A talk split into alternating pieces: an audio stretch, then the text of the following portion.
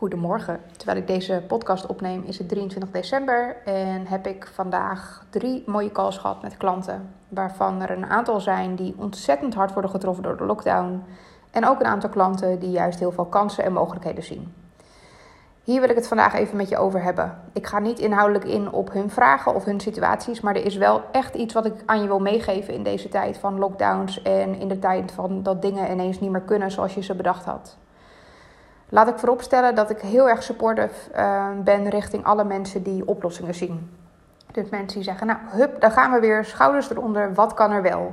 er zijn zoveel mooie initiatieven ontstaan in deze tijd, omdat mensen niet meer konden doen wat ze al die tijd hebben gedaan en er echt van ze verwacht werd om veerkrachtig te zijn. Dus daar uh, applaus voor die mensen, super knap, super mooi. Tegelijkertijd zie ik ook iets ontstaan wat ik moeilijk vind om te zien. En dat is datgene wat ik hier in deze podcastaflevering met je wil delen. Ik zie het bij mijn klanten gebeuren. Die bouwen businesses op vol liefde. Die zijn al jarenlang bezig soms en hebben echt iets neergezet en moeten nu ineens hun deuren sluiten. En nu is het bijna vanzelfsprekend dat je gelijk meegaat in die flow van wat kan er nog wel. Maar wat ik ook zie bij mijn klanten, en ik weet zeker dat zij niet de enige zijn, is een hoop ongeloof, een hoop verdriet, een hoop woede, een hoop onmacht. En dat is denk ik eerst de uitnodiging. Dat is waar ik in geloof. Dat alles wat eerst de revue passeert aan emoties, dat je, er die, mag dat je die er eerst mag laten zijn. Dat is echt waar ik in geloof.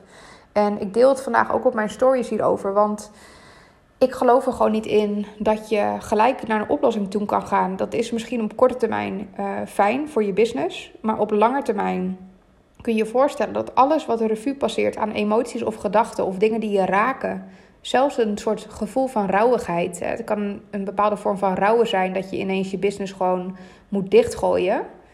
Um, terwijl je daar dag in, dag uit met ziel en zaligheid aan werkt. Um, dat, dat vraagt erom om eerst aangekeken te worden. Dat is zo ongelooflijk belangrijk. Want dit voorbeeld ken je, maar op het moment dat je uh, je emoties beschouwt als een ballon en die ballon die duw je weg, die duw je onder water, omdat die er niet mag zijn, dan komt er een moment waarop die ongecontroleerd, als je even niet oplet, of even verzwakt, of even net niet zo lekker in je vel zit, weer boven komt. En vaak komt die ballon boven met een ongekende snelheid, veel harder dan de eerste keer dat hij bij je aanklopte om gehoord te worden. Dus mocht het nou zo zijn, of het nou komt door de lockdown of door iets anders, maar word jij geraakt in het leven door corona, door iets wat er nu gebeurt, laat je dan eerst raken. Laat je eerst raken. Ga gewoon zitten, schrijf op wat er gehoord wil worden um, en geef het een stem. En ga niet gelijk door. Want ik weet zeker, ik zie het vaak genoeg gebeuren, alles waarbij je gewoon, waar je aan voorbij gaat, dat haalt je op een gegeven moment in ja, ja, ik vind het echt belangrijk om te zeggen. En ehm, toch wil ik ook nog even het haakje maken naar iets systemisch. Want het kan ook zomaar systemisch zijn dat jij jezelf niet kunt toestaan om te gaan voelen. Misschien is er in jouw systeem helemaal geen ruimte voor emoties. Of ben jij altijd in het gezin de persoon geweest die uh, de rechter speelde, die de clown was om de boel gezellig te houden, die de lijm was tussen iedereen, of juist de fixer hè, de probleemoplosser, degene die altijd het positieve inzag van alles. Misschien is dat de rol die je kent. Is dat jouw magische plek? En ben je daar super goed in geworden? Want dat is de andere kant. Het is ook een kwaliteit. En misschien is dat nu exact hetgene wat je in de weg staat om dingen toe te laten. Dus hierbij ook de uitnodiging voor jou. Ga dat eens onderzoeken voor jezelf. Welke rol had jij in het gezin vroeger toen je kind was? En in hoeverre heb je die rol nog steeds en dient die je nog? En hoe zou het voor je zijn als dit iets is wat je nu niet meer dient? Of wat je voor je gevoel misschien zelfs klein houdt en jou en je business? Want als het jou klein houdt, dan heeft dat op je business ook zeker geen positieve uitwerking. Hoe zou het voor je zijn als jij misschien de eerste mag zijn van jezelf in dit systeem die dit gaat doorbreken? Wat als jij wel mag voelen, waar de rest alleen maar in het hoofd schiet? Wat als jij wel mag huilen, waar de rest van je familie misschien alles maar wegwuift of weglacht? Wat als jij wel je hart mag volgen, terwijl de rest gewoon ervoor kiest om misschien in het familiebedrijf te gaan werken of om maar gewoon een 9 tot 5 baan te doen? Want ja, dat is wat iedereen deed en dat is wat van me verwacht werd. Hoe zou het voor je zijn om misschien wel de allereerste in het systeem te zijn die dit soort dingen gaat doorbreken? Wat ik aan je mee wil geven is dat er niemand is op zijn sterfbed die zegt: had ik maar inderdaad wat meer gedaan wat anderen van me verwachten. Iedereen zegt: had ik maar meer naar mezelf geluisterd. En jij leeft nog, want anders kon je dit niet luisteren. Dus dit is de uitnodiging voor jou. In hoeverre laat jij je nog leiden door alles en iedereen om je heen? En hoe zou het voor je zijn als jij misschien wel de allereerste in het systeem zou zijn die dit zou doorbreken? Wat betekent dit voor jou?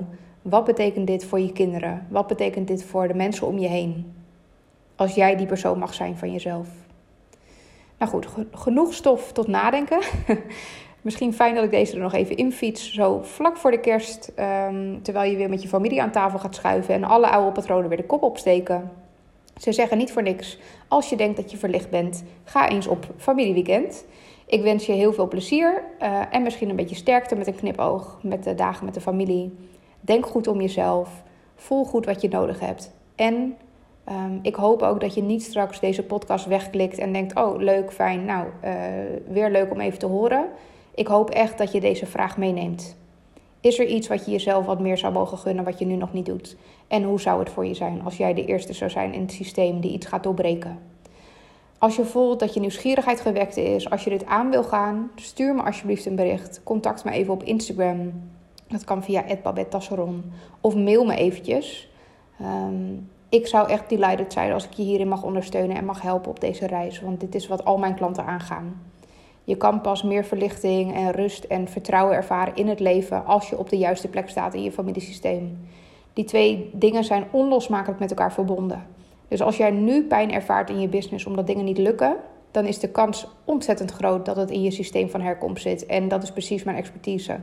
Dus laten we daar samen naar kijken of in ieder geval een intake over boeken. Oké, dankjewel voor het luisteren. Ik wens je super warme dagen en tot in het nieuwjaar.